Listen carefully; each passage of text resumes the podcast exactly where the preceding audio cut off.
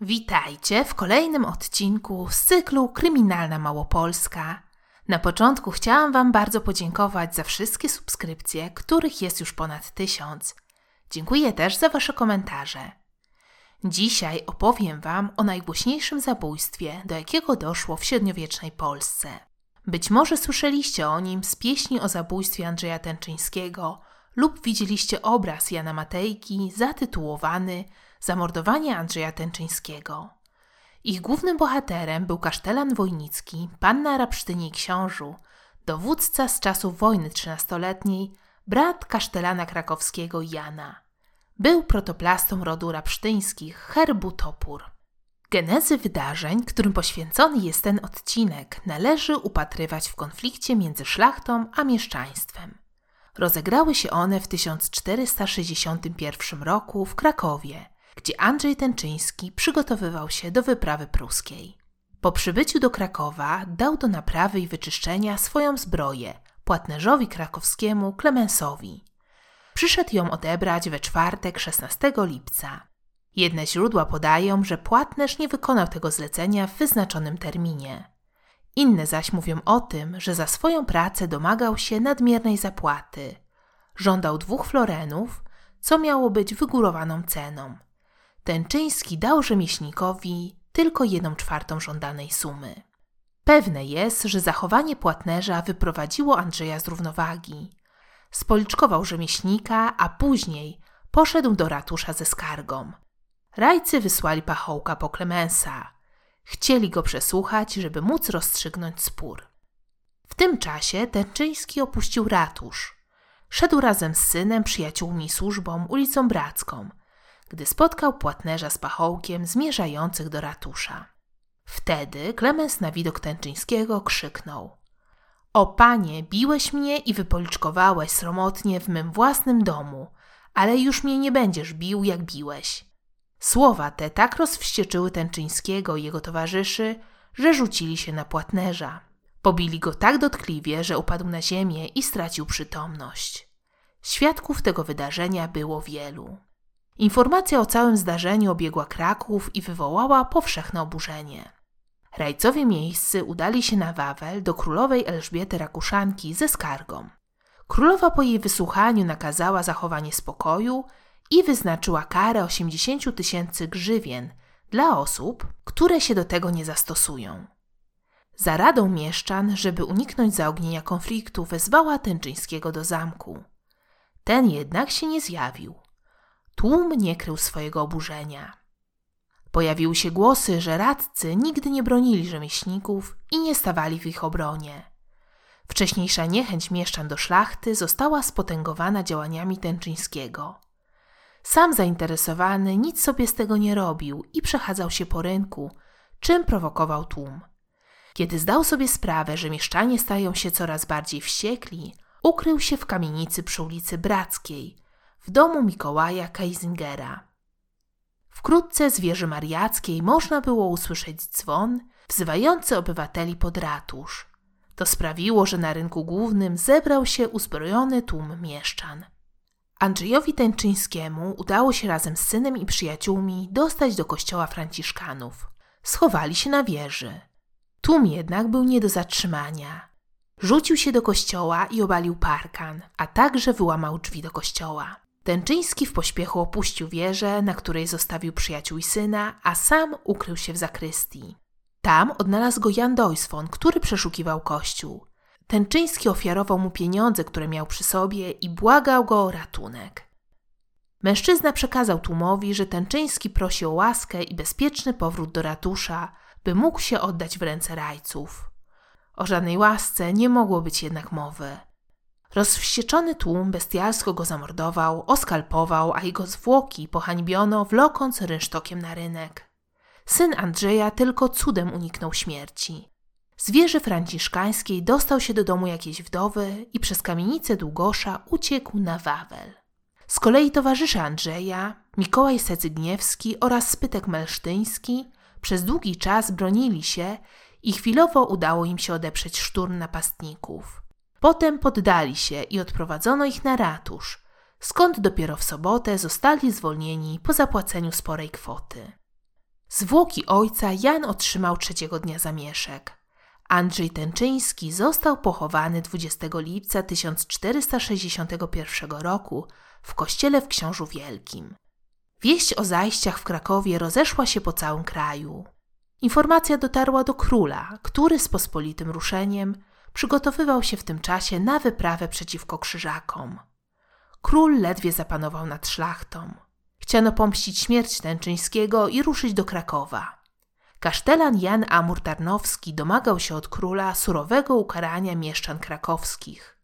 Król obiecał, że po zakończeniu wojny sprawcy zabójstwa zostaną ukarani. I tak 6 grudnia 1461 roku w Nowym Korczynie utworzono sąd sejmowy. Pierwsza rozprawa odbyła się 7 grudnia. Uczestniczył w niej sam król. Rozprawie przewodniczył sędzia Piotr z Weszmuntowa oraz podsędek Mikołaj Zwiniar. Oskarżycielem był Jan Narapsztynie Tęczyński, syn zabitego. Żądał on, żeby sąd skazał winnych na śmierć. Z kolei brat zabitego, kasztelan krakowski Jan Tęczyński, domagał się zasądzenia 80 tysięcy grzywien od mieszczan krakowskich. Oskarżonymi byli zarówno rajcowie, jak i cechmistrzowie oraz pospólstwo Krakowa. Nikt jednak nie zasiadł na ławie oskarżonych.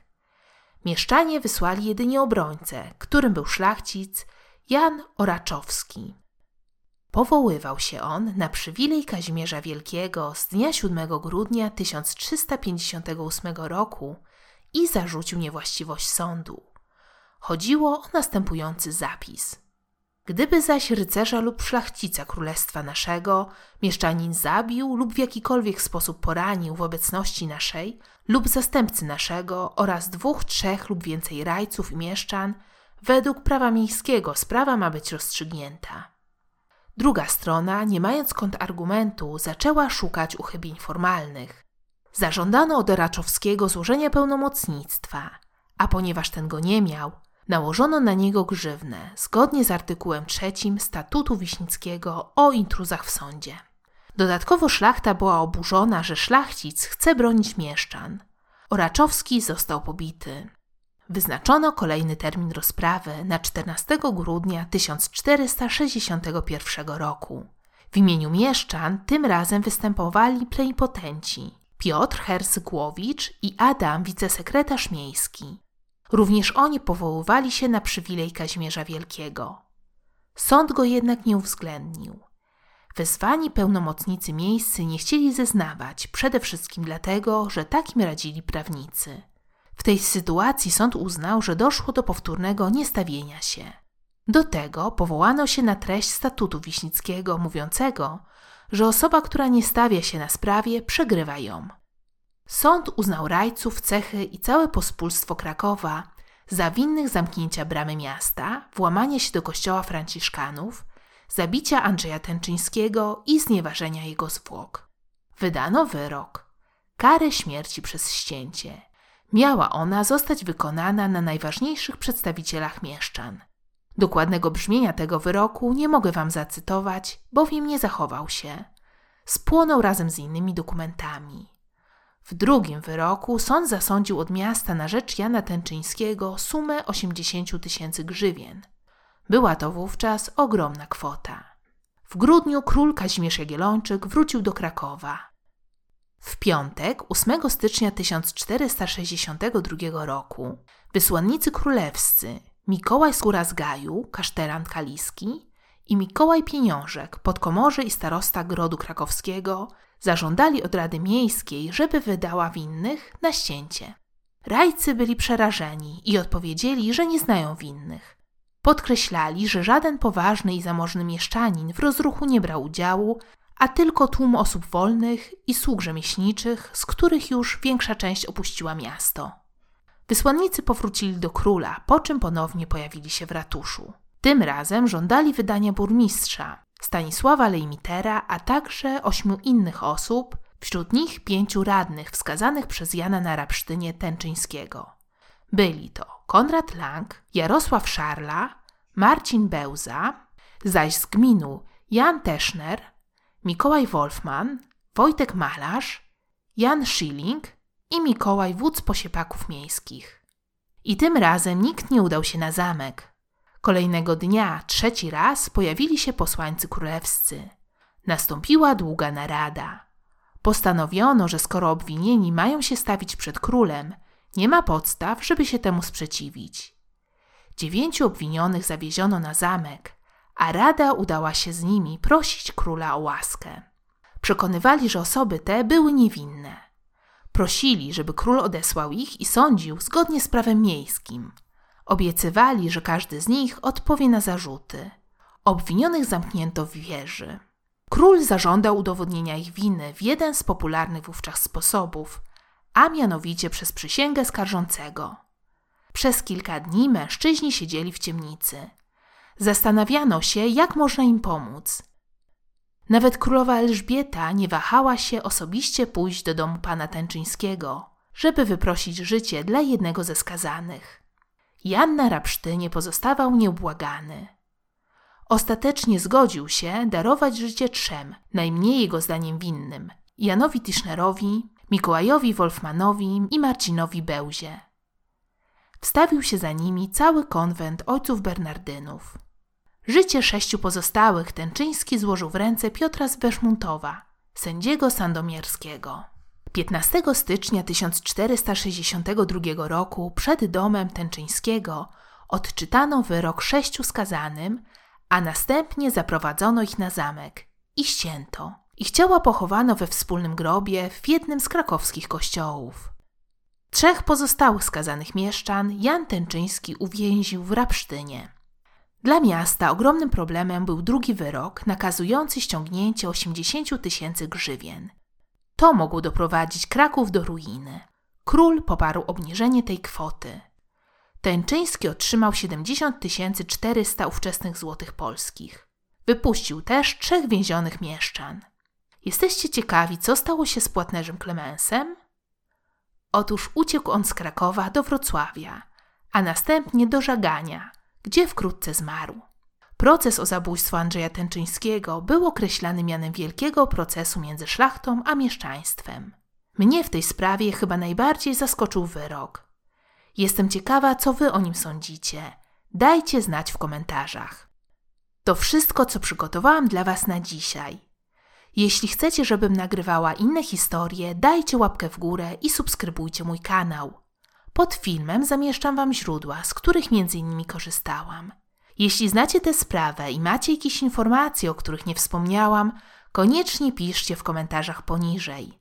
Zapraszam Was również na Facebooka weekendówmałopolsce.pl i na Instagram. Linki zostawiam w opisie. Do usłyszenia w kolejnym podcaście z cyklu Kryminalna Małopolska.